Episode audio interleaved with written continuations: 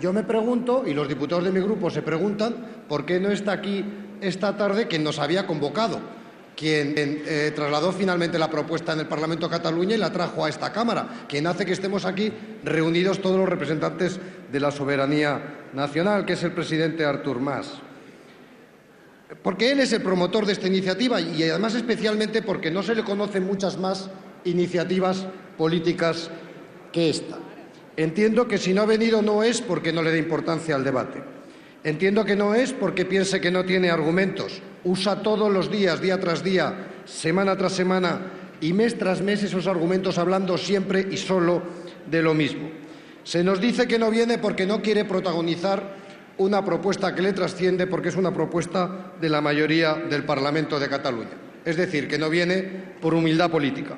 Pero esa es razón de más para haber venido, porque la, modestia no es excusa en política para callar las razones. Y, sinceramente, no es creíble tampoco esa repentina timidez. Aquí, en cambio, están todos los demás. Están los principales líderes políticos del país.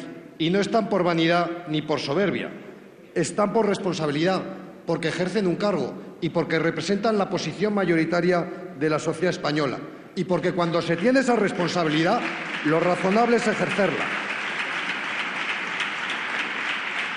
Lo razonable es, ejercerla y, si se me permite la expresión, dar la cara.